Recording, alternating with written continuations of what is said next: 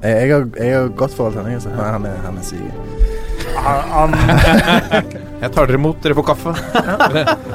Nå mista jeg lyden i høretelefonene. Der kom de tilbake. Ja. Ja, det er hyggelig å være her. Jeg er glad i, i podkast som fenomen. Jeg må ut. hjemme mot Lyngen Karnes gikk de på et litt leit 0-19-tap eh, Oh. her. Hvilken det- divisjon snakker vi? Er det tredje eller fjerde? Fjerde, fjerde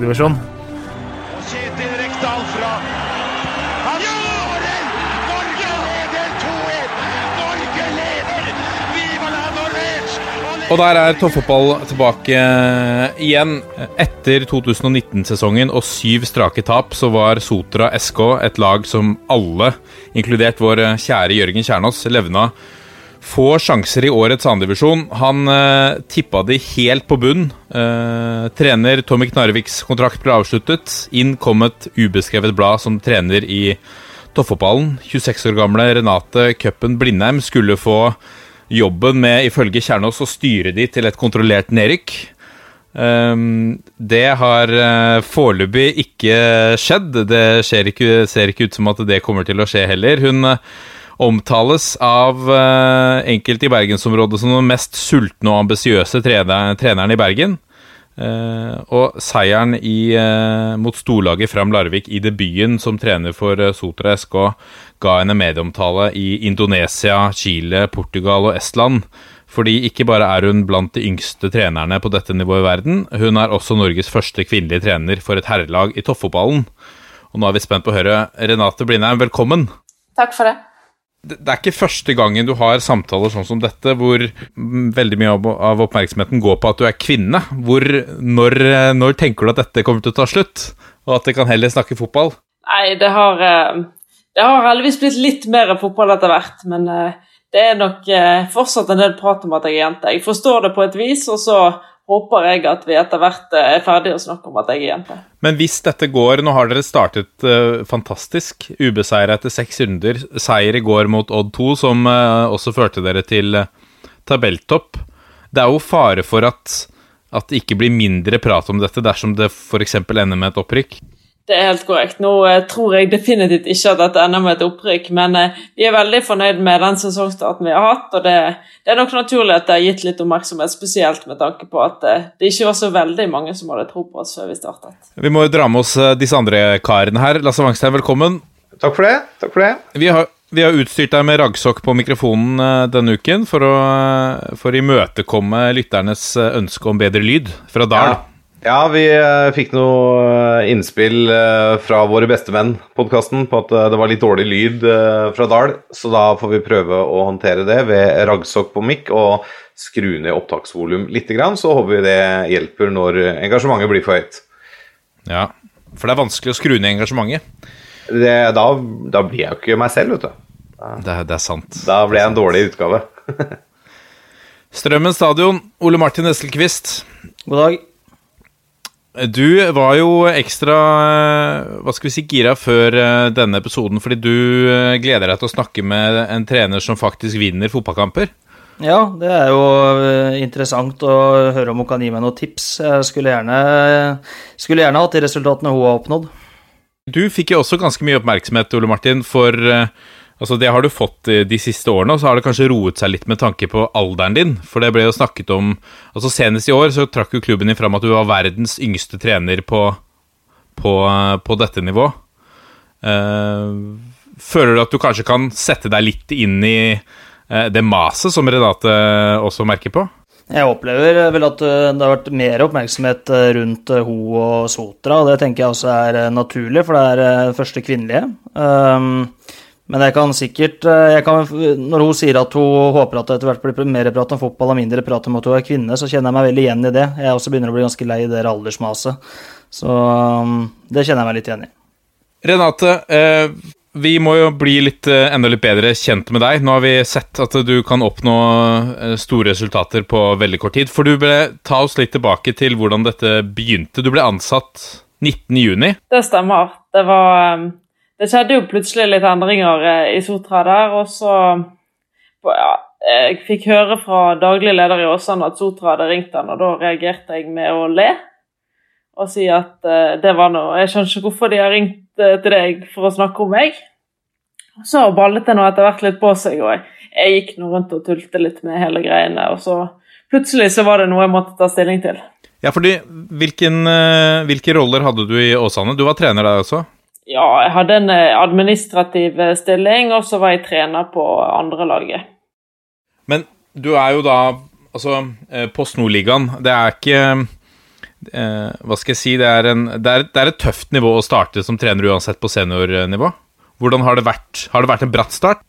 Ja, altså nå har jo Starten har jo vært ganske fin, men det er veldig mye nytt. og på en måte, Jeg har lært mye den tiden jeg hadde i, hadde i Åsane, men det å trene 17-18-19 år gamle gutter et sånn rent, med et rent utviklingsfokus, det er litt annerledes enn å, enn å komme inn i det resultatfokuset med litt eldre spillere og med litt andre krav.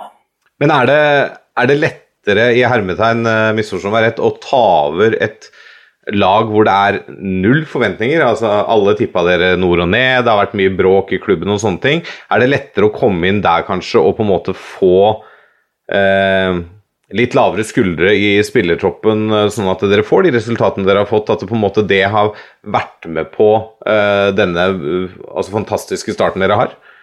Absolutt. Det at på en måte jeg kommer plutselig inn i det. Spillerne hadde vært permittert lenge. Det var ikke, et, det var ikke en fullverdig stall. Det var på en måte, Man kom inn i en situasjon der vi så på det som at man hadde alt å vinne. og Det, det gjorde spillerne òg, og det, det tror jeg har vært en styrke. Hva tenkte du da da du skjønte at dette så ut til å materialisere seg?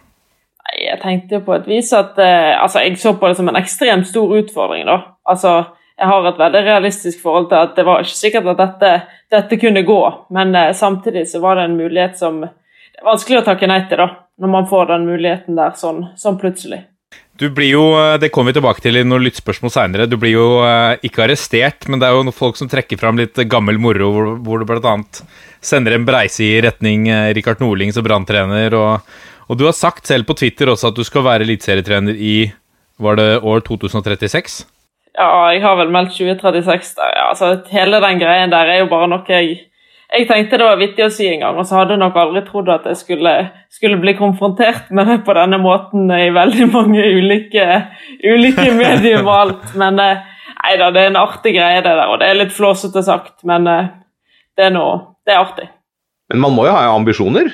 Ja da, altså. Det er ikke sånn at jeg våkner hver morgen og tenker at eh, nå skal jeg jobbe for å bli trener i Eliteserien, men eh, går det, så går det. Og så det er noe uansett artig, og, artig å på en måte ha sagt det der. Men så, eh, så blir du lansert som trener, og så går eh, skrivende presse går eh, varm eh, rundt omkring, i hvert fall i hele Norge, og etter hvert med en, en strålende debut også utover i, i verden. Eh, hva, hva, sier klubben om, om oppmerksomheten fra Indonesia og, og Chile? Vi har egentlig ikke snakket så mye om det, men jeg tror de er ganske happy. og det, det er jo på en måte, det har All oppmerksomheten som har kommet, har vært positiv. så det, Både for meg og for spillergruppen og resten av teamet og klubben, så har jo dette bare vært, bare vært positivt.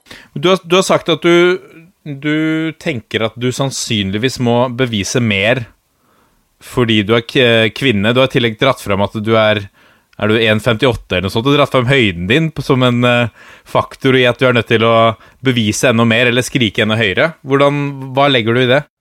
Jeg, altså Dette er jo en teori jeg har, det er jo ikke sikkert at den stemmer med virkeligheten, men jeg tror at mange i utgangspunktet tenker at du kan veldig lite. Og så tror jeg at folk Ikke nødvendigvis at folk mener noe vondt med det, men at det bare er litt sånn Det er bare sånn man tenker. Og så tror jeg jo at på en måte det skal litt til for at folk ser på meg. Får sånn automatisk sånn autoritetsfølelse av å se på meg, da, tror jeg. Og det har nok litt å gjøre med på en måte kjønn og alder og hvordan jeg ser ut. Altså det at jeg er litt liten og ja. Jeg skriker ikke så høyt heller, så jeg er kanskje litt annerledes. Altså, du, du snakket om også at du kan være litt mer rolig. At det kan også være en stor styrke, eller? Ja, altså det er jo på en måte Noe er jo på en måte sånn jeg er som type, men noe er jo også på en måte bevisst at jeg, eh, jeg tenker at når vi er på kamp, f.eks., så skal vi være vi skal være så godt forberedt at det skal ikke være nødvendig at jeg står og gauler alt mulig på sidelinjen underveis, og så kan vi justere det vi trenger i pausen, og så skal vi beholde, bevare roen. og det, det tror jeg er gunstig for spillerne, spesielt hvis man er i en litt stresset situasjon utpå det. Hvordan er det hos dere, Ole Martin? Må du ofte skrike for å, for å holde gutta på, på tå hev, eller eh, holder det med en liten sånn eh, reminder i pausen? Sånn jeg opplever det, så er jo det litt sånn fra kamp til kamp og situasjon til situasjon. Det kan jo variere veldig bare i løpet av 90 minutter på hvor ivrig og engasjert du er kontra hvor rolig du er. Jeg tror det der også er jo et eh, Det er tilbake til det at du må være deg sjøl, da. For hvis du er en trener som liker å være litt rolig og tilbaketrukken på sidelinja, så må du jo være det, for det er det som blir ekte, og det er det jo veldig mange som er. Både på, på lavere og på veldig, veldig høyt nivå. Og så er det noen som eh, er helt ekstreme ikke sant? I, energibruk og i eh, engasjement og tilstedeværelse under kamper på type Diego Simone da, på det høyeste nivået, på en måte, som er helt eh, ville òg. Så jeg tenker det er eh, Du må være deg sjøl, og så tipper jeg at det er fornuftig å prøve å se hva spillergruppa trenger for noe. Og som Renate sier, hvis spillere er stressa, så kan det nok være veldig fornuftig at du som trener prøver å være veldig rolig. Så vil jeg jo tro at man på et vis kanskje Altså, du treffer gjerne ikke alle spillerne med alt jeg tipper vi har noen spillere hos oss som hadde tenkt at på en måte de skulle ønske at, var mer, eh, at det var litt mer lyd. Men eh, man treffer på en måte ikke alle, og jeg tror det er viktig som du sier, på en måte være seg sjøl. Hvis ikke tror jeg det blir kunstig hvis man skal løpe rundt og spille skuespill. I, i, i trenerteamet ditt, for du tok med deg en fra Åsane, gjorde du ikke det? Det stemmer.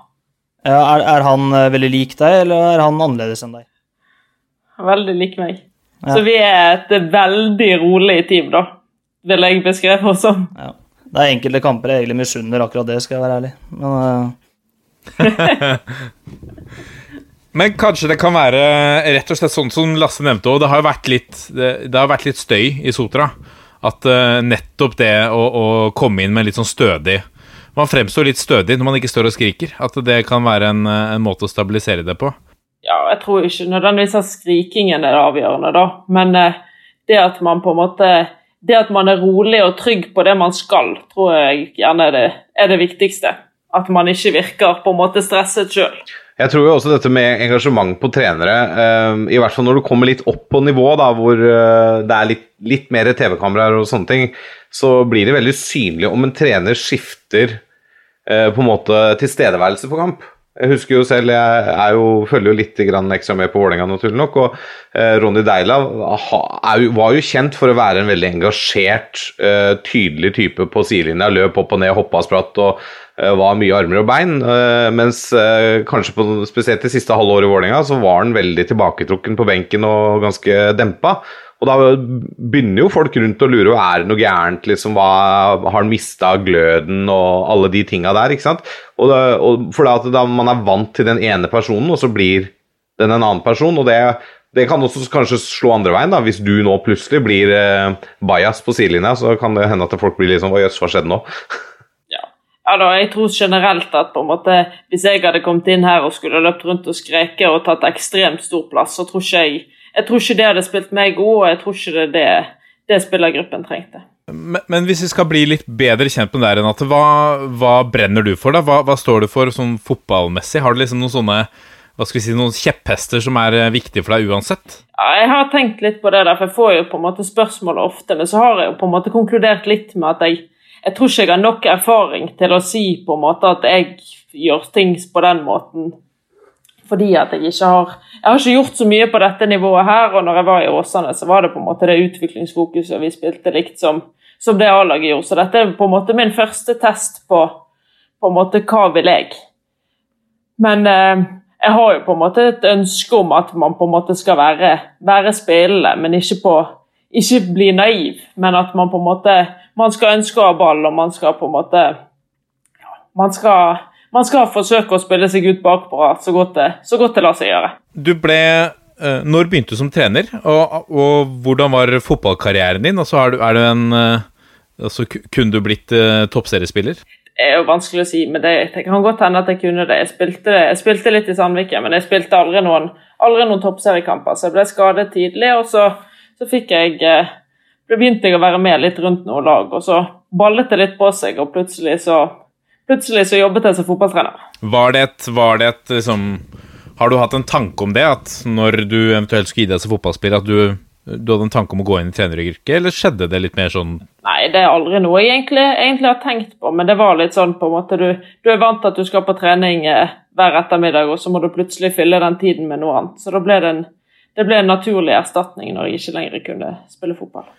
Sesongen så langt, da. Hva, det er jo veldig mange som stiller seg spørsmålet hva, hva har du gjort? Har dere brukt masse tid på det mentale? Hva har, hva har skjedd eh, fra Altså, tar alle eh, de såkalte ekspertene feil i potensialet i dette mannskapet?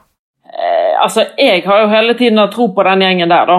Fra vi kom inn og fra vi på en måte fikk, fikk supplert den stallen der. Altså, det var viktige spillere som var igjen fra i fjor. Kom noen nye før vi kom inn, og så fikk vi på en måte supplert sånn at vi er en, en stor og jevn stall. Det er jo en styrke at vi på en måte vi er veldig jevne i hele veien. Men eh, vi har ikke gjort noe spesielt. Jeg skulle ønske vi kunne si at vi har gjort dette og dette og dette er helt nydelig, men eh, det er en eh, ekstremt fin spillergruppe. Det, man kom inn der med har, Vi har 22 spillere som alle har lyst til å bli bedre, og alle har lyst til, å, ta steget opp. Og det er nok den aller, aller største styrken vår. Det er nok den stemningen som er i gruppen. Så tror jeg vi har vunnet på at vi er at vi er ydmyke, vi som kommer inn i teamet rundt, og at vi på en måte vi er én en enhet. da. Det er på en måte ikke oss i teamet, og så er det spillerne. Det er på en måte Alle drar i samme retning. Det, det tror jeg er viktig. Noe vi kan uh, koble på litt lyttspørsmål underveis her. Norlik86 uh, sier Nå er jo Sotra i flyten. En dag så leder du et lag som sliter. Hvordan forbereder du deg som trener på sånne tider? Altså det er vanskelig å Eller det er jo litt kjedelig å trekke inn negativitet da, når, når det går så bra, men, men, er du liksom forberedt på hva du skal gjøre dersom dere begynner å slite? Altså, Vi skjønner at vi ikke, vi ikke kommer til å vinne resten av kampene denne sesongen. Det, det gjør vi nok ikke, men eh, nei, altså vi, vi har jo veldig tro på det vi gjør, da. Både på trening og på måte i måten vi spiller fotball på, måten vi jobber på gruppen står sammen, så jeg tror vi vil håndtere det fint. Men eh, jeg er jo veldig bevisst på at både jeg og resten av teamet har ikke vært i en sånn situasjon før, da, der det faktisk butter. Så det, det vil bli en uh, ny utfordring for oss som vi egentlig ikke helt vet hvordan vi håndterer. Men uh, jeg vil tro at vi skal finne oss noen, noen gode måter å håndtere det på. Når, når du på en måte forstår at kontakten med Sotra er reell, hvor godt kjente du til stallen fra før av, og hva gjorde du på en måte av research eh, i den prosessen og inn mot ansettelsen der? Uh, nei, jeg hadde sett de, altså hadde jo selvfølgelig sett de spille litt, eh, litt, i fjor, og så visste jeg hvem noen av de var. De er jo på En måte, en del av de er jevnaldrende med meg, så det var på en måte på den måten jeg visste, visste litt om det. Så vi på en måte Jeg sjekket nå litt på en måte hvem som var der, hadde noen tanker om ja, er det noe som er mulig å på en måte ta med fra, fra Åsane. Og så han Bendik som er med meg, han eh, har spilt på dette laget sjøl, da. Så han kjente jo veldig godt til de, som, til de som var der, fordi at han faktisk hadde spilt sammen med det. Og så Vi hadde jo veldig liten tid, da. Så det var på en måte litt sånn Vi måtte få på plass ting hurtig, og så har vi vært veldig veldig fornøyd med at vi faktisk har truffet på, truffet på alle vi har eh, hentet inn. Så det kan jo være flaks. Det er jo alltid litt drama i bergensfotballen, men, eh, men eh, det har jo vært eh, litt rundt Øygarden og Nest Sotra. Og Sotra sportsklubb har, står utenfor denne sammenslåingen, nykomponeringen av Øygarden. Hvordan er forholdet der nå? Altså, Mitt forhold til Øygarden det er vel ikke altså, Jeg kjenner ikke så mange der, eller noen ting, men eh, sånn jeg ser det, så bør jo og har jo Sotra et godt forhold til Øygarden. Men jeg vil tro at det kanskje er folk fra Sotra som, som mener litt mer om den saken enn, enn det jeg gjør. Men jeg, jeg er veldig nøytral i eventuelle uenigheter, i hvert fall. Jeg har akkurat nå et veldig anstrengt forhold til Øygarden, bare så det er sagt. Du omtales Jeg, jeg, jeg mener det var uh, Var det en fra Sotra SK som uttalte det at, uh, at du, Jeg sa det i innledningen også, at du omtales som den mest sultne og ambisiøse treneren i bergensområdet. Så er du sikkert ydmyk og sier at det ikke stemmer, men, men hvor tror du Altså, han kan jo ikke ta det fra ingen steder? Nei, men det, det tror jeg bare litt sånn slengt ut i, ut i tilfeldigheten. Det kan godt hende at du finner en god del trenere som på en måte jobber enda mer systematisk enn meg for å, for å nå, nå, langt. Det tror jeg du gjør. Men har du, du har jo eh, tydeligvis blitt lagt merke til. Altså er du en Står du til langt på natt og terper detaljer med, med en spiss som ikke klarer å sette ballene, eller hvilken tilnærming har du til treneryrket? Nei, det er jo litt sånn Det vi på en måte har valgt å gjøre nå, er å på en måte gjøre ting litt enklere enn det det er. Vi har på en måte måttet fikse litt på alt på en gang. Så det blir litt sånn eh, Vi på en måte tar uke Vi tar alt fra uke til uke, og så blir det det blir litt på alle spillets faser. og Det er i utgangspunktet ikke sånn jeg er vant til å jobbe, men eh, til nå så tror vi at det har vært veldig viktig at vi på en måte vi tar eh, Vi er veldig opptatt av hva vi møter, da. Det er mulig det blir sånn trenernerdete, da. Men uh, hvis du skal på en måte gå opp, gå opp, en treningsuke, hvordan ser en normal treningsuke ut på Sotra? Uh, vi har uh, mandagen, det er på en måte en restitusjonsøkt. Litt sånn gøy, og så litt, litt boks for de som ikke var i tropp eller spilte lørdagen. Tirsdagen så er det typ sånn åtte mot åtte, en eh, ganske mye spill. Eh, en del på session og litt sånn. Så har vi fri onsdag. Torsdagen så har vi spill 11-11, og på en måte den mest taktiske økten. Og fredagen er stort sett bare lek, og eventuelt da skal vi helst være ferdig med på en måte det faglige.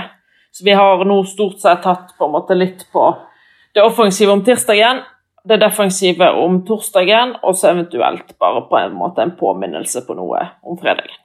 Men da, bakgrunnen for at dere har fri onsdag, hvorfor det? Fordi at eh, vi kjenner på at da kan vi på en måte spille litt mer, litt mer tirsdagen, og så på en måte får vi Vi får på en måte delt uken litt i to, da. At da er vi på en måte ferdig med forrige kamp, og så torsdagen da er vi på en måte på gang på, på ny kamp på da ser vi på motstander og på en måte er klar. Så til nå har det i hvert fall fungert. Eh, fungert. Nei, er er det, jobber du etter en spesiell periodiseringsmodell? Altså er du, er du Verheien-inspirert? Er det en portugisisk variant, eller er det, eller er det Åsane-Sotra-varianten som ja, det er vel det er basert litt på, på det vi, det vi gjorde i Åsane tidligere, og det man på en måte har, har testet ut der. Og så vet vi på en måte at Altså, Vi har på en måte vurdert ulike ting, men nå, nå, begynte vi her, og så har vi på en måte følt at, følt at det har fungert. Så har vi vært veldig bevisst på at spillerne har vært permitterte. Vi på en måte Grunnlaget er dårlig, så vi, vi trener nok mer forsiktig enn kanskje alle spillerne våre skulle ønske. Da. De maser etter mer å spille, men det, men det får de ikke. Sånn tror jeg det er litt overalt. Jeg regner med at de fleste hos deg også, Rune, uh, enten studerer eller jobber ved siden av fotballen. Eh, så dere trener kanskje ettermiddag kveld dere da, i løpet av uka? Ja, vi trener eh, bare på, bare på ettermiddag. Eh, det, føler du det er en utfordring å få nok tid til, til og med gruppa di når det er sånn, eller har du så du klarer deg for å på en måte implementere det du ønsker at de skal få utøve på banen? det fungerer, jo, det fungerer, jo, greit. Det vi kjenner litt på, er jo på en måte at altså, vi, er bo, vi, er på et sted der det på en måte Trafikken spiller ikke alltid helt på lag, så spillerne kommer gjerne, gjerne løpende rett til økt fordi de har sittet i kø og på en måte må hive i seg noe mat. Så vi kjenner nok på at det hadde vært bedre hvis vi kunne på en måte gjerne hatt folk oftere inne sånn én til én på video og litt sånn. Det, det sliter vi litt med å, med å rekke over. Så det må, det må gjøres på dataen og på mobilen. Uh, fortell om din eh, største fotballopplevelse. Det liker jeg alltid å, stille. Er den fra årets sesong, eller er det noe nostalgiske greier? Nei, jeg har egentlig ingenting som er sånn helt sånn spesielt, så jeg må nok, jeg må nok uh, trekke frem uh, den eh, Fram Larvik-kampen. Det, det, har vist seg at det kanskje var et lag vi burde slått, da, men der og da så kjente vi på at vi hadde, at vi hadde tatt tre poeng som ingen hadde ingen hadde regnet med at vi skulle ta. Så akkurat nå så er det nok det jeg sitter igjen med som eh, ja, Det er i hvert fall det ferskeste, gøyeste. Ja, for den, det, det, var jo en, en, match, som du sier, da, så har de vist seg å ikke være så sterke som man kanskje trodde, men det er jo et, det er en stor klubb. Det et uh, det har vært en, en satsingsklubb og en av de, liksom, de større klubbene i, i Post Nord-ligaen. Hva var inngangen dere til den kampen? Hva, hva tenkte du at var mulig å, å, få ut av den i utgangspunktet? Altså, vi var forberedt på en veldig veldig tøff bortekamp. Det gagnet oss ikke at det var gress. og det var, Vi var forberedt på å møte et godt lag, og det gjør vi jo. Altså, det, er en, det er en vanskelig kamp, og der vi på en måte på sett og vis er litt heldige som, heldige som står igjen med tre poeng. Så Altså, jeg tror de har tatt ufortjent lite poeng, da.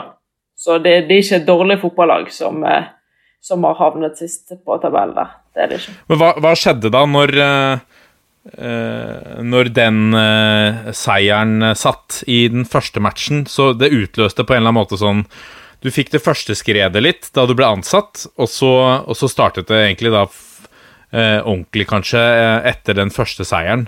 Hvordan var de, de påfølgende dagene?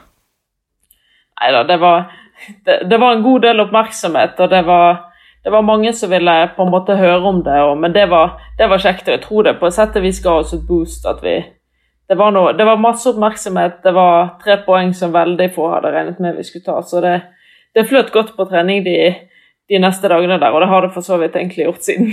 Jeg skal kanskje ikke, skal kanskje ikke undervurdere selvtillit i fotball, si. Nei, det, altså det, dette er en gruppe som på en måte Jeg har aldri vært borte i en gruppe med så god stemning. Og det, akkurat nå så blir jo stemningen bare bedre og bedre, så ikke noe å klage på om dagen. Hva sier spillerne om all oppmerksomheten? da? Nei, altså jeg tror de syns det er kjekt, og så er det jo på en måte Jeg skulle jo ønske at de, at de fikk litt mer oppmerksomhet, at det var litt mindre på meg. Men eh, jeg vil tro at en del av de, uten at de tør å si det, er litt lei av å svare på om jeg er grei, og om jeg er flink, og om jeg en, eh, egentlig er en dårlig fotballtrener eller en god fotballtrener. Men eh, da, det er positiv oppmerksomhet, og de er sikkert noen som er glad i å bli tatt bilde av. og det kommer en serie på VGTV, så jeg tror det er noen som er glad for den oppmerksomheten. Og så er det noen som eh, skulle ønske at de kunne være litt mer anonyme. Men da skal du få et sånt spørsmål som trenere hater å svare på, så får du velge selv om du gjør det. Eh, hvis du skal plukke to spillere fra dagens eh, tropp som du tror spiller Eliteserien innen eh, tre år, da, da har du et par som kan få litt ekstra oppmerksomhet og press på seg, vet du. Hvem tåler det? Ja, det er vanskelig å si, da, men jeg eh, syns vi har en stopper som gjerne går ganske godt under radaren i Mathias eh, Myhre Madsen. Han, eh, han har vært eh, bunnsolid eh, til nå denne sesongen. Og eh, ja, jeg tror jeg, jeg tror jeg går for han, jeg. Se Ole Martin sitter og noterer for harde livet her nå. Ja, Gidder du å gjenta navnet, så skal jeg bare Jeg bare hører på podkasten, Ole Martin. Fint fram sjekkhefte. Ja, vi har eh, svære sjekkhefter her på Strømmen, da. Det er helt klart. Ja. Eh, Jon Thomas Official på, på Instagram eh, lurer på hvilken fotballfilosofi eller manager er du mest inspirert av?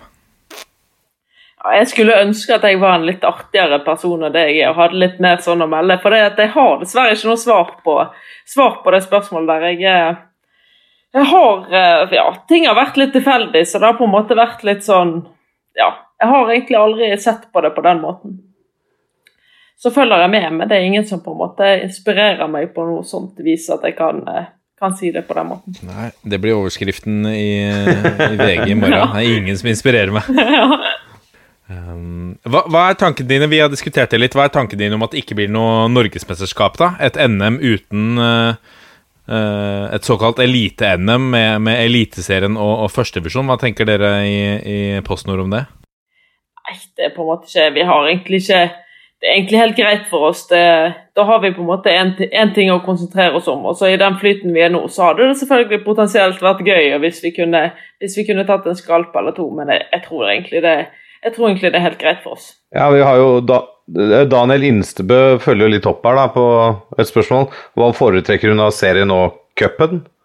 Det er mulig det er noe ordspill inni her, men ser sånn ut på stavemåten. Fort det. Nei da. Så eh, cupen får være etternavnet, og så får vi være glad for eh, serien. Men årets serie er vel eh, sånn at det er eh, jo større sjanse for å rykke opp i år med tanke på at det blir et kvalifiseringsspill for topp seks. Syv, ja. Topp syv. Hva, hva tenker du om det, da? Det er eh, Det gjør jo ligaen litt annerledes.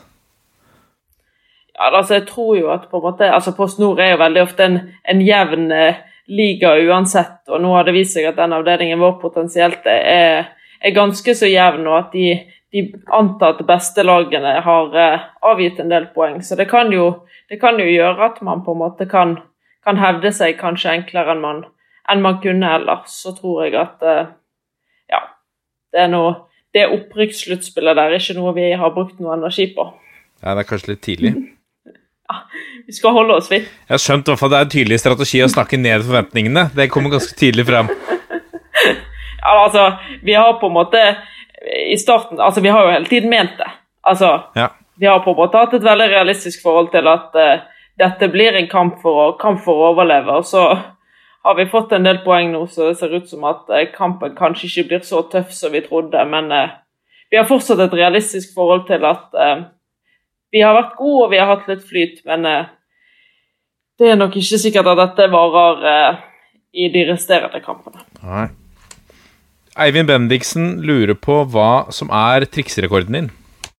Ja, det er for Eivind Bendiksen det, det er vår sportslige leder, så han er, han er den yngste i teamet. Han er 21 år, så vi, han utfyller teamet på en eh, god måte. Så han skulle være litt sånn vittig og komme med den der Den der. Ok. Men jeg er bedre enn han, da, for trikset. Marius eh, Nettils på Twitter lurer på hva skal til for at flere kvinner velger treneryrket. Jeg syns jo sånne, sånne spørsmål er litt, eh, er litt vanskelig å svare på, fordi at man må jo på en måte Man må jo gjøre det man vil, men eh, jeg tror jo at en mer normalisering av at det er like normalt å ha en kvinnelig trener og en herretrener, er, er på en måte litt av nøkkelen. Så er det vanskelig å si hvordan, hvordan man kommer dit, men eh, hvis man kommer dit at ikke det, folk ser på det som noe annerledes og noe man på en måte kommenterer, så tror jeg man har kommet eh, et godt stykke på vei. Men altså med Uh, Naturlig nok, da. altså den uh, Sammenligningen har jo kommet. ikke sant, Heimebane og det greiene der. Og så har du deg, og så har du nå, nå kom, fikk jeg helt jernteppe på navnet hennes. Eline Tor, nei, Torneus, som nå er eh, fotballekspert i eh, Discovery. eh, har jo også vært trener for herrelag. eh, men det, noen må jo på en måte gå opp løypa. Føler du at du er på en måte en en foregangsfigur som kan være med å normalisere dette, da, sånn at vi kanskje om noen år frem i tid ikke på en måte ser på dette som noe helt spesielt, men som noe helt naturlig. For det er jo en vei man håper man kommer, at det ikke går på kjønn, men på kapasitet. Ja, altså, Det er jo ikke noe jeg egentlig tenker på å bruke noe sånn energi på, men jeg, forstår jo at det på en måte er en medvirkende faktor. og Hvis, hvis vi hadde stått på null poeng etter seks kamper nå, så tror jeg ikke det hadde styrket eh, saken til nestemann, som hadde kommet inn. Så jeg tror jo man er avhengig av at man på en måte får, får en eh, Jeg vet ikke hvor mange, men altså, hvis man hadde fått fem som lykkes, da, så tror jeg at man, man nærmer seg noe. Men jeg tror, eh, jeg tror det må på en måte bevises. Det tror jeg.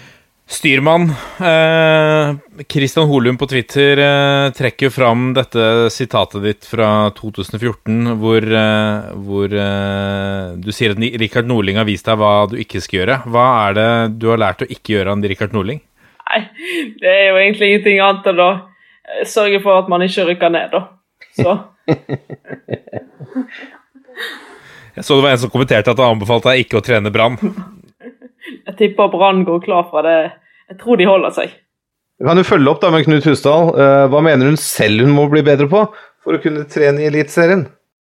Eh, Det tror jeg er veldig, veldig mye. Det, jeg tror det er en, eh, en lang vei å gå, og det er på en måte det, Den jobben jeg har nå, det, det er veldig masse i den jobben jeg fortsatt ikke kan, og som jeg fortsatt ikke på en måte har, har møtt på. Så jeg tror at eh, det ledermessige og er kanskje den, eh, den største utfordringen jeg har sånn eh, for å være trener for et, eh, et eh, herrelag på, på seniornivå generelt. Jeg tror at eh, det er jo igjen bare en litt sånn synsing, men jeg er ganske sikker på at det ikke hadde, hadde funket med alle grupper. Så det Jeg tror man er litt avhengig av å ha, på en måte ha, ha folk som, eh, som fikser det. Men du, var, du har jo vært litt innom det, og nevnt ydmykhet bl.a. og inkludering. eh, Men har du noen sånn veldig bevisst inngang til ledelse per nå? Har du noen bevisst strategi på det, eller angriper du dette veldig åpent litt fra dag til dag? Eh, det er jo litt sånn at vi på en måte prøver oss litt frem, men eh, en av de tingene som jeg på en måte kjenner at er litt viktig, at jeg er nok kanskje mer ærlig enn andre er. Altså, Det er på en måte noe jeg er opptatt av. at Det er nok sikkert situasjoner der jeg, der jeg burde pakket det inn eller gått litt rundt grøten, der jeg heller sier det som det er. Og så, så tror jeg det er, litt, det er litt veien å gå. Så på en måte jeg tror at det soleklart viktigste for meg er at hvis jeg kom inn og skulle være litt sånn stilig og på en måte her er jeg litt viktigere enn dere, og jeg vet bedre enn alle dere her som er på en måte like gammel som meg, så tror jeg kanskje jeg, kanskje jeg kunne mistet noen. Så jeg tror det er viktig at, måte at, eh, at vi, er, vi er ikke likestilt, for det, det, er jo på en måte jeg og vi i teamet som tar avgjørelsene, men, eh, men at ikke noen kjenner på at det er noe veldig stor forskjell på oss.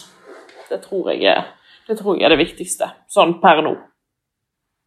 Men jeg tror ikke det nødvendigvis hadde funket med alle, da. Det tror ikke jeg. Hvorfor ikke det?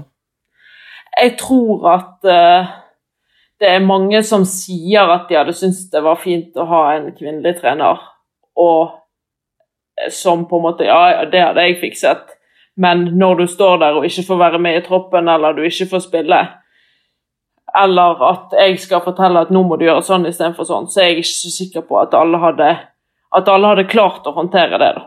Det er kanskje litt sånn Ja, det er gjerne ikke på en måte snilt sagt å på en måte si at sånn er folk, men, men jeg tror at folk er sånn. Ikke nødvendigvis fordi at man på en måte mener noe vondt med det, men at uh, det er såpass annerledes, og det er litt sånn rart. Mm. Men si at du, Nå er jo den jobben besatt, da, men si at Brann hadde ringt deg. da. Hadde du tatt den jobben nå, eller hadde du tenkt at det er for tidlig? Nei, det hadde jeg aldri gjort. Nei, nei. Altså, jeg hadde aldri tatt den jobben og Det, det hadde jeg ikke. Det er ikke jeg i nærheten av å, nærheten av å være flink, til, flink nok til. Så det, det hadde jeg ikke vurdert, nei. Men Ole Martin, nå skal jeg plage deg mer med, med alderen din. Kjenn, har du kjent på det noen gang? At, at spillere du har vraka som kanskje er altså, hva skal vi si, over middagshøyden, som har levd et langt fotballiv, og så kommer det en, en han ser på som en jypling som trener, som skal fortelle han at han ikke skal få spille eller være med i troppen? Altså, situasjonen har jo oppstått eh, x antall ganger, men eh, er jo, det er jo en del likhetstrekk av inngangen jeg har hatt hele tida, og det Renate nevner, at du kommer ganske langt med ærlighet. Folk setter pris på at de får ærlige tilbakemeldinger, og så er, er man uenig, så er det en eh, ærlig sak, på en måte. Um, og så tror jeg jo også det at uh, som ung trener så uh, må på en måte du, du, må skape prosessen sammen med spillere. Så prosessen må skapes i fellesskap. Og så er det sånn i fotballhierarkiet at det er noen gang hovedtreneren som bestemmer hvem som spiller.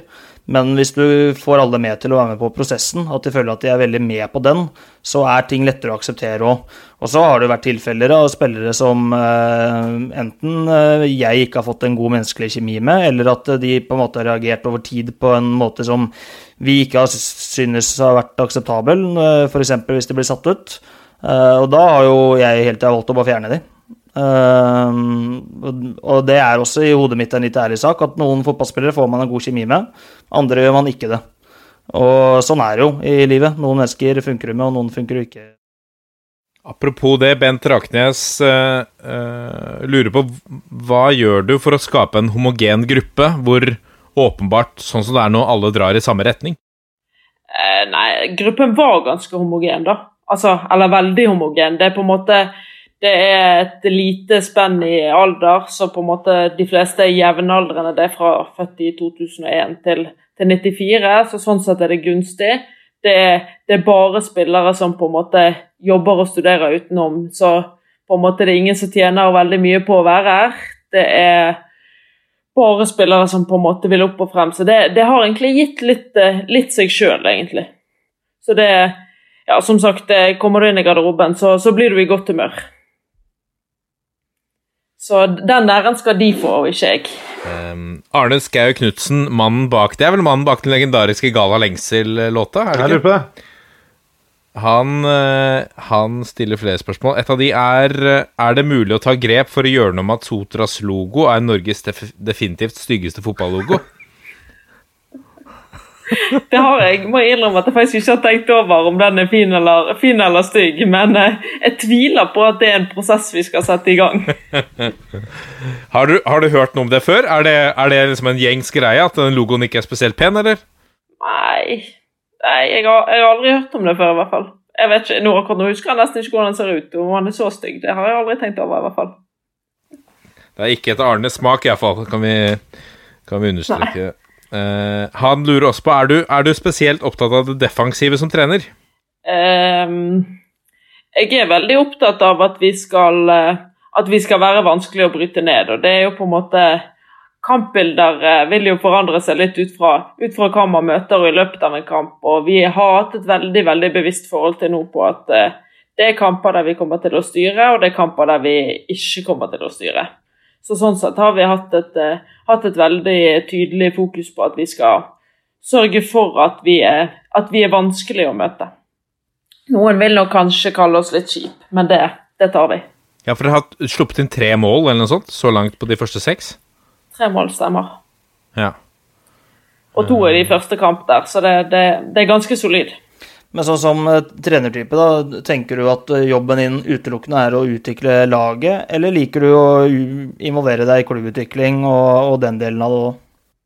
Uh, nå har jeg på en måte en litt sånn Altså, vi har valgt på en måte at jeg skal ha en litt kort kontrakt og på en måte komme inn og på en måte, på en måte se hvordan dette går. Men jeg, men jeg kjenner jo på at på en måte potensialet i Sotra er ganske stort. og hvis vi kommer dit at eh, altså Målet vårt er å ha flest mulig spillere fra Sotra på laget. og nå, nå har vi på en måte ganske mange lokale, men potensialet for å få enda flere er der. og da, da er det på en måte, det er viktig for oss at vi er en del av klubben, at ikke vi blir en sånn egen greie på, på toppen som folk på en måte snakker opp eller ned. Ja, hvor mye tid bruker du på å følge med på det som skjer på juniorlag eh, G16, for å se om det er noen der som kanskje skal opp og hospitere litt, eller får sjansen på A-laget?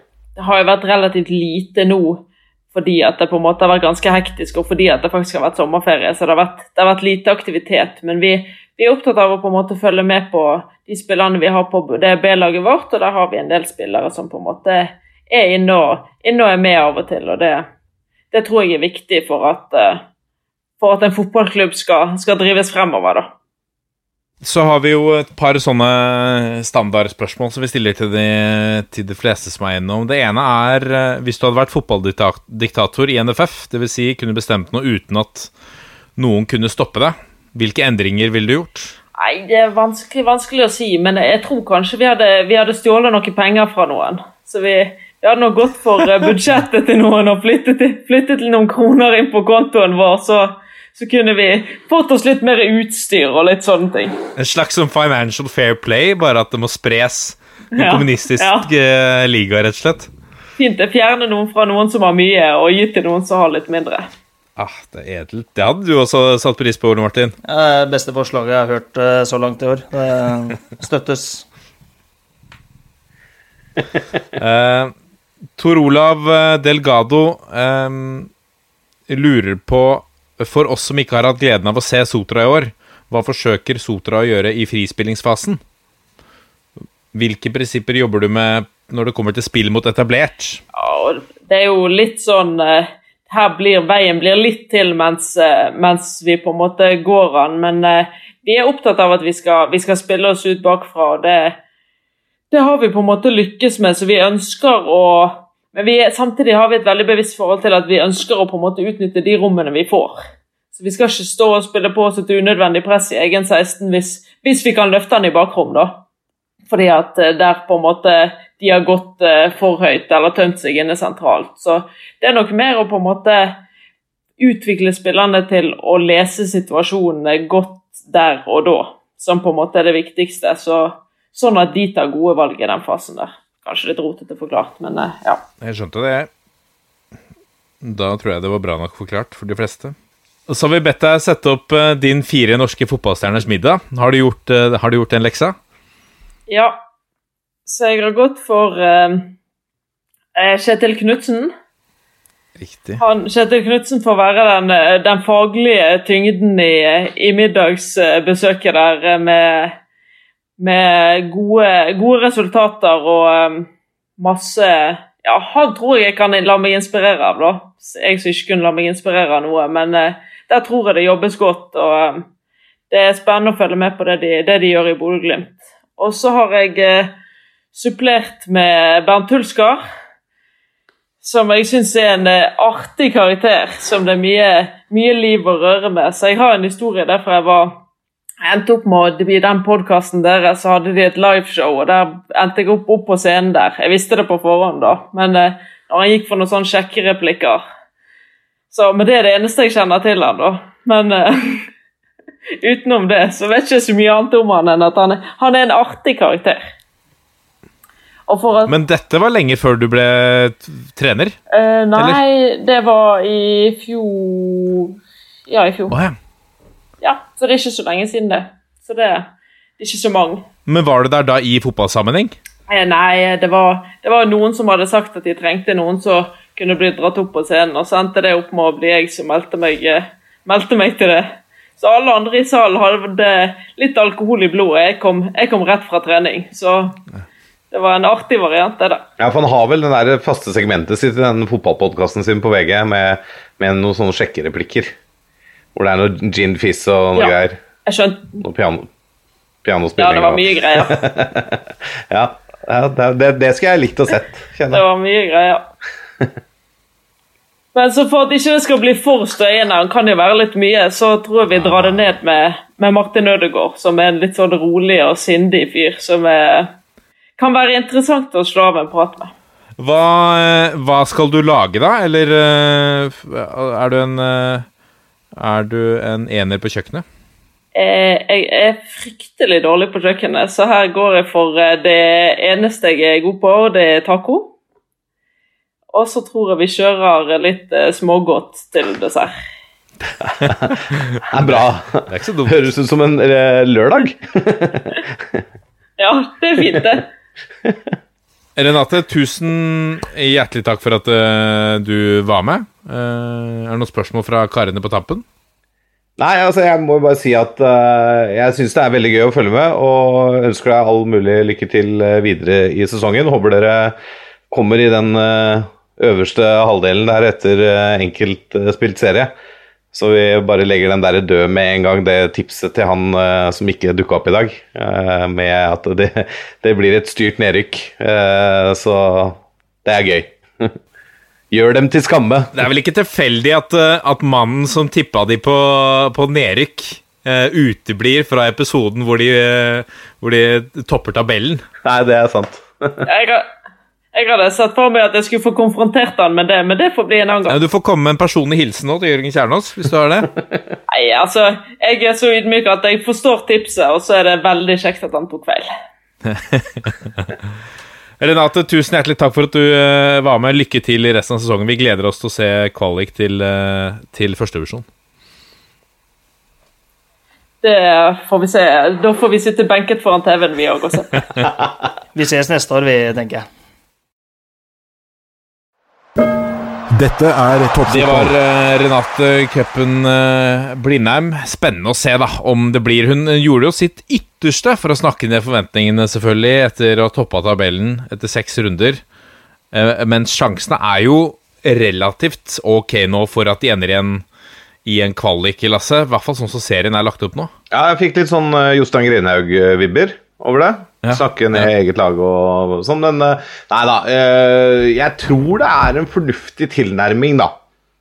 For å være helt ærlig. Eh, Når de er på en måte tippa der de er tippa av ekspertene, og det er vært en klubb med mye rot og fram og tilbake og mye usikkerhet, så tror jeg det er en fornuftig tilnærming av det å på en måte ta det litt dag for dag og kamp for kamp og leve i nuet og nyte at de lykkes nå. Eh, og så har jeg jo sett intervjuer med henne hvor det, hun er jo ganske klar på at hun tror det kommer til å bli tøffere. Det, altså, det vokser ikke helt rett til himmels her sannsynligvis, og allerede nå i neste runde så er det vel en rimelig tøff bortekamp mot Bryne som står for tur.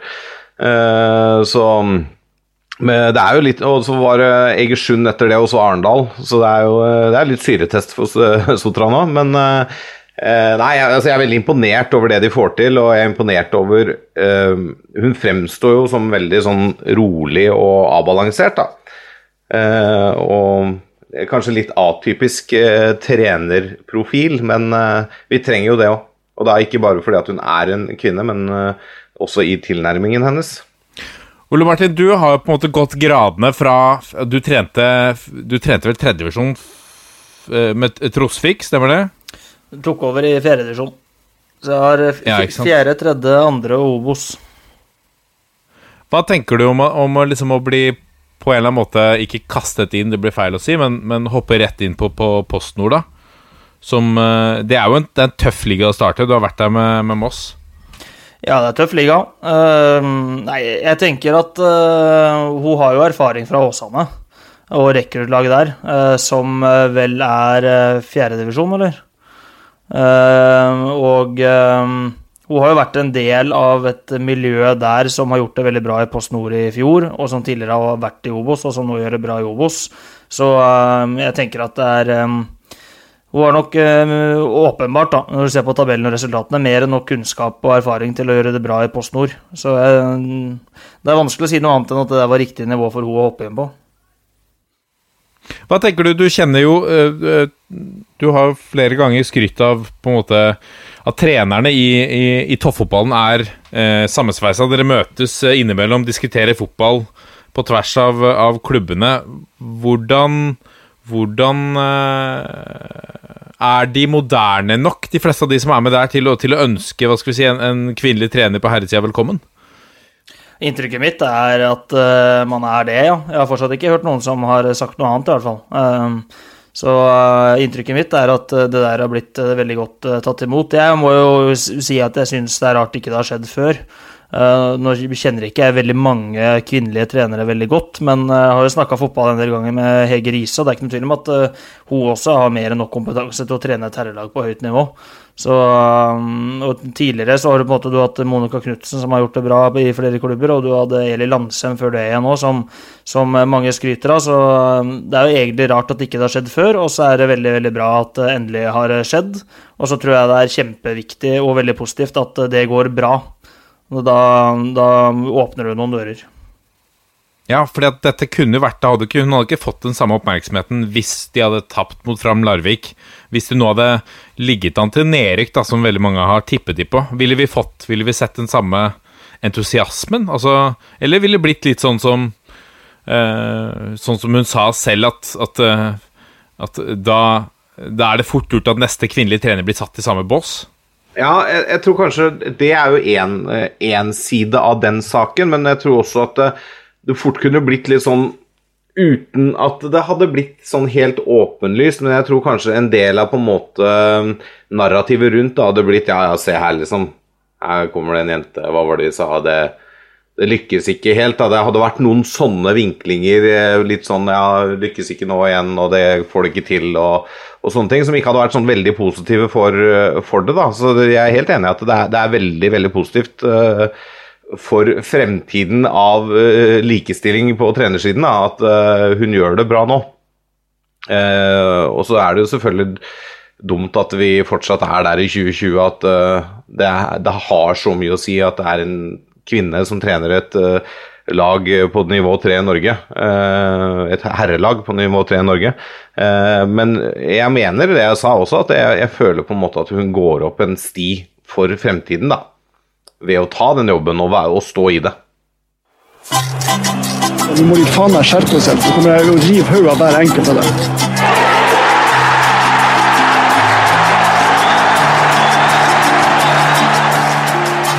Da er det duket for ukens tulipan og kaktus ved spaltens president Lasse Wangstad. Jo, takk for det. takk for det. I dag blir det ikke bukett, i dag blir det én av hver. Eh, og ukens kaktus går til eh, Ålesund-keeper og tidligere kollega, vil jeg si da, siden vi har begge jobba i Vålerenga, Gudmund Kongshavn, for sin totale hodemist borte mot Rosenborg. Ålesund tar også ledelsen på Lerkendal, og for et lag som ÅFK, som virkelig trenger alle de poengene de kan få, eh, så er det litt viktig at alle holder hodet kaldt og ikke gjør uh, tåpelige valg. Måten Kongshav storma ut og feide Sakariassen ned på, uh, slik at Rosenborg fikk straffespark og muligheten til å utligne, er bare håpløst, rett og slett. Han setter laget sitt i en vanskelig situasjon. Han er en fare for motspillerne, og han gjør at Rosenborg kommer inn i kampen igjen. Og kampen ble sannsynligvis tettere og jevnere enn mange hadde trodd på forhånd. Og hvem vet, kanskje Ålesund hadde klart å karme seg et poeng, da, eller tre, uten det valget Kongshamn der tar i første omgang når han lager den straffa. For det er sånn jeg, Når keepere holder på sånn, så jeg blir jeg blir så irritert, for det er så unødvendig, da. Det, har, altså det er så stor risiko, selv om han tror han skal ta ballen. Det er så stor risiko med å gå ut på den måten i feltet. Så det Nei. Jeg ble en kaktus, Gudmund. Eller Gud, det er som vi kalte den på juniorlaget i Vålerenga. Beklager. Tulipanen den øh, syns jeg denne uken må fortjent gå til Odds ballklubb. For det å starte sesongen med to strake tap øh, og nå ha stø kurs mot medalje, det er ikke annet enn imponerende. Det er tre poeng bak Molde på sølvplassen, med én kamp mindre spilt. Og de har fem seire på rad. Det er ståa akkurat nå. De har mista Torgeir Børven til Rosenborg. De har mista Tobias Lauritzen, erstatteren til Børven med skade. Men Mushaga Bakenga og de andre gutta på Odd-laget de har tatt opp hansken, altså, og de flyter på en medgangsbølge av selvtillit akkurat nå. Odd får heller ikke veldig mye oppmerksomhet fra hovedstadspressen og sportspressen generelt, men de fortjener faktisk all oppmerksomheten de kan få nå, slik de holder på. Det er rett og slett imponerende, og da blir en tulipan til uh, Jan Frode Nordnes og Einar Håndlykkens menn i Skien. Ja, fordi uh, de har jo fått sving på Bakenga. Altså, det virker som uh, altså Etter han ble solgt fra Rosenborg første gang, komme tilbake Ikke helt klart å finne tilbake i formen, verken der eller i Ranheim eller Men altså, i, nå i, i Odd så, så, så, får de maks ut av han. Uh, altså Det er jo en lang sesong igjen, men han er jo kommet på skåringslista. Ja, han er jo har vært mye skadeplaga, Bakenga, da, dessverre for han. Men det er klart, nå ser det ut som han har fått en periode med jevnt med trening. Uh, får tillit. Er liksom midtspissen der nå i 4-3-3, et system han kjenner godt. Eh, med å være vokst opp i trønderfotballen. Så det er, det er, jo gøy å se at spillere på en måte kan finne seg sjøl igjen etter så mange år litt i sånn skyggenes dal, da, eh, karrieremessig. Ikke det at han har vært i noen dårlige klubber med Tromsø og Ranheim og og retur til Rosenborg og sånne ting, men han har liksom ikke fått ut det vi så av han eh, i eh, Rosenborg versjon 1, da.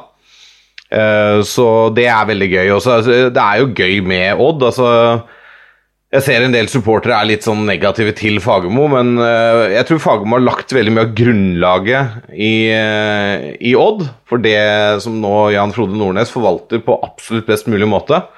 Eh, og får eh, mye bra ut av den eh, spillestilen og spillestallen sin. Og det er imponerende det de driver med. altså At de har lagt seg i den posisjonen de har, og er med og kjemper helt der oppe om e-cupplass.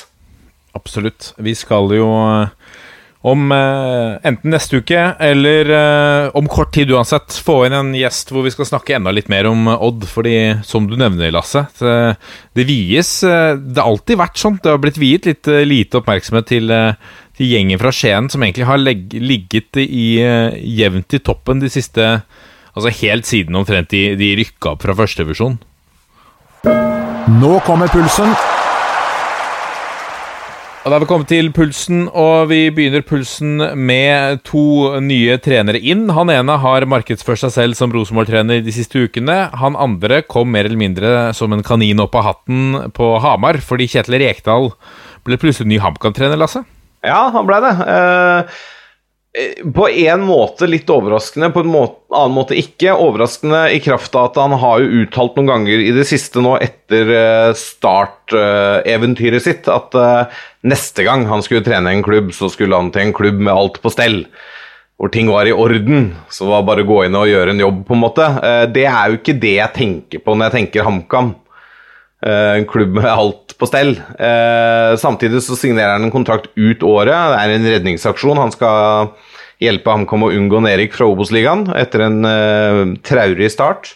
Uh, og så bor han på Ottestad. Uh, det er en kort, liten ti minutters kjøretur fra hjemmet hans til Briskeby. og han har en sønn som er i systemet der. Han kjenner Ståle Solbakken godt. han har vært litt inne i systemet der. Han kjenner Truls Håkonsen fra før.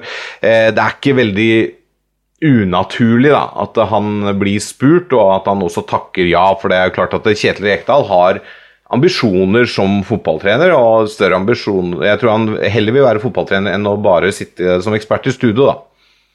Så og det er klart Hvis han nå klarer redningsaksjonen uh, HamKam da, og få de opp på trygg plass og vel så det uh, utover uh, høsten, så er jo det også en liten fjær i hatten og en grei ting å ha med seg på en allerede ganske fyldig CV. Absolutt. Ole Martin, eh, Kjetil Rekdal inn som trener i Obos-ligaen. Er det, er det Gir det ligaen mer oppmerksomhet? Ja, det gjør det jo definitivt. Uh, det har vært eh, mye HamKam og Rekdal på, um, på nettet de siste dagene, og det er naturlig, det. Det er jo en av de største profilene vi har i Fotball-Norge.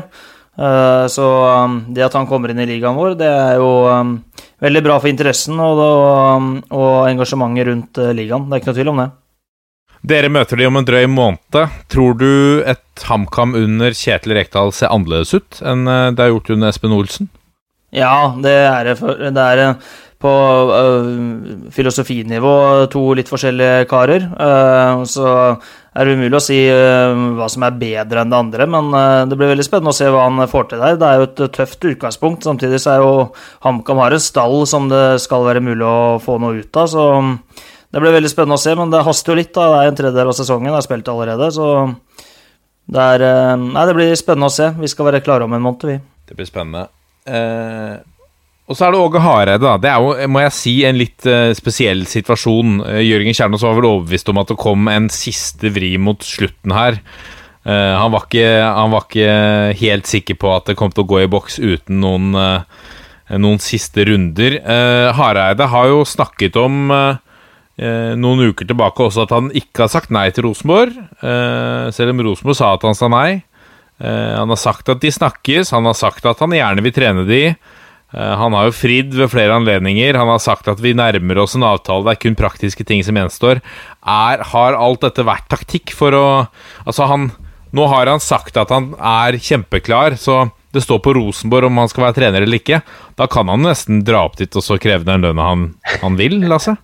Ja, altså det, det virker jo som på en måte han var førstevalget hele veien der oppe. eh, og så har det vel vært noe greier som har vært eh, såkalt lost in translation der, når uh, Rosenborg går ut med den pressemeldingen om at Åge Hareide har takka nei. Hvor Åge Hareide egentlig er, blir litt overraska, da. og Nei, men det har jeg jo egentlig aldri gjort. Jeg har bare bedt om å få litt mer tid, for det, dette kneet plager han. Men jeg er jo enig i det at jeg satt jo liksom litt og venta på at han egentlig bare dro opp til Trondheim i dag for å bare banke inn Nei, det er ikke aktuelt. Jeg har fått uh, et tilbud til et annet sted. Jeg vil bare møte dere face to face og si at det skjer ikke. Men uh, nå er Ja, nå han sa jo det, han fikk jo en telefon senest i går med et tilbud. ja, ikke sant, det ser du.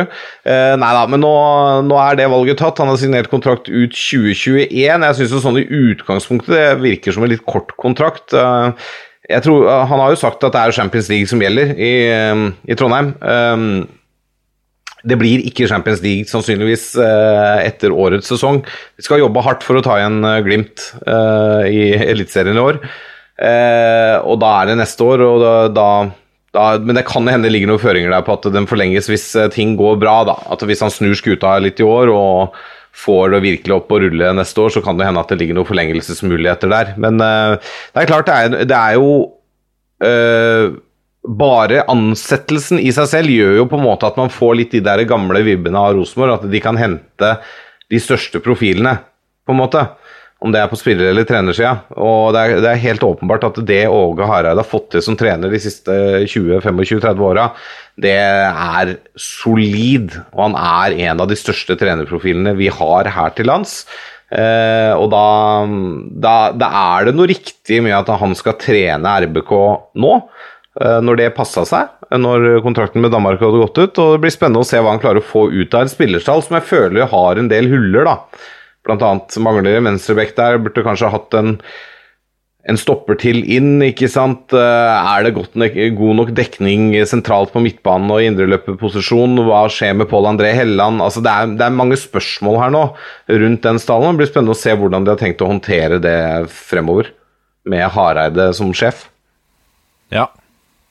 Så er det kommet noen nye øh, Dette er vi, syns vi egentlig er kjempekjedelig å snakke om, men, men øh, fordi man leser om det hele tida. Covid. Det har kommet noen nye covid-nyheter. Potensielle nyheter for toppfotballen, Lasse.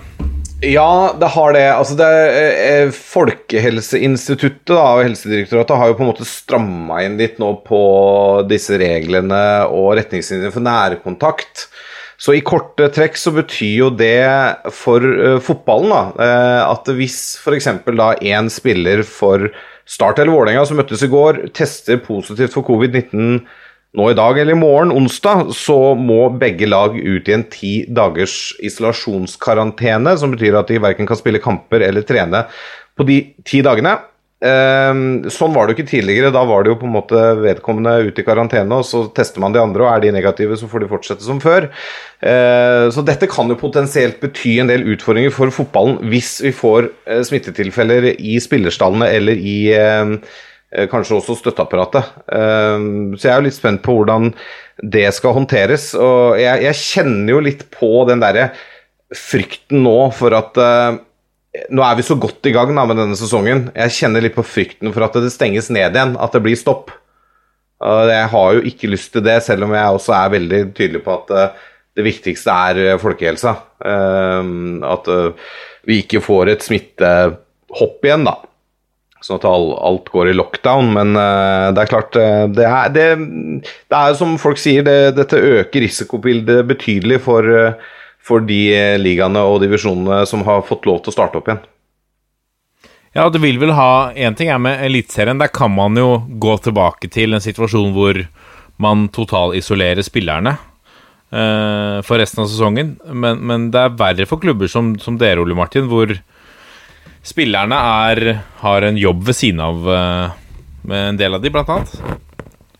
Ja, gutta våre får, får ikke uh, isolert seg. Uh, det gjør de ikke. Så er det jo med, med forbehold om at jeg eventuelt glemmer noen, men nå har vi jo holdt på med dette her i, i et par måneder, og det har jo vært én, én bekrefta spiller smitta, vel, og det er, er han i Brann. Så, så protokollen har jo fungert spillere og trenere og klubbene tar dette her eh, veldig veldig alvorlig, og det har fungert godt. Um, så jeg håper jo at man fortsatt har tiltro til den protokollen som NFF eh, sammen med Helsedirektoratet og FHI og regjeringa har kommet fram til er en god løsning. Og så får vi eventuelt eh, ta stilling til det hvis det skulle bli, uh, bli veldig dramatiske endringer for oss, da. Men da er jo det ville være en krise for norsk uh, fotball om det skulle stoppes opp igjen pga. økonomien i det.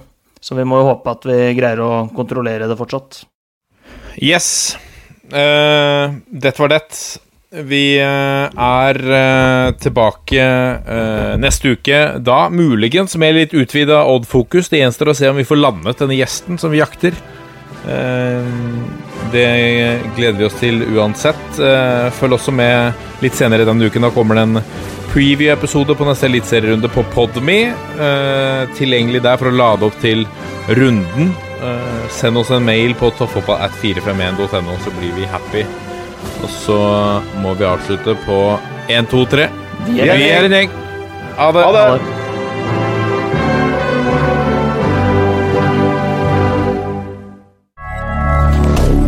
Moderne media.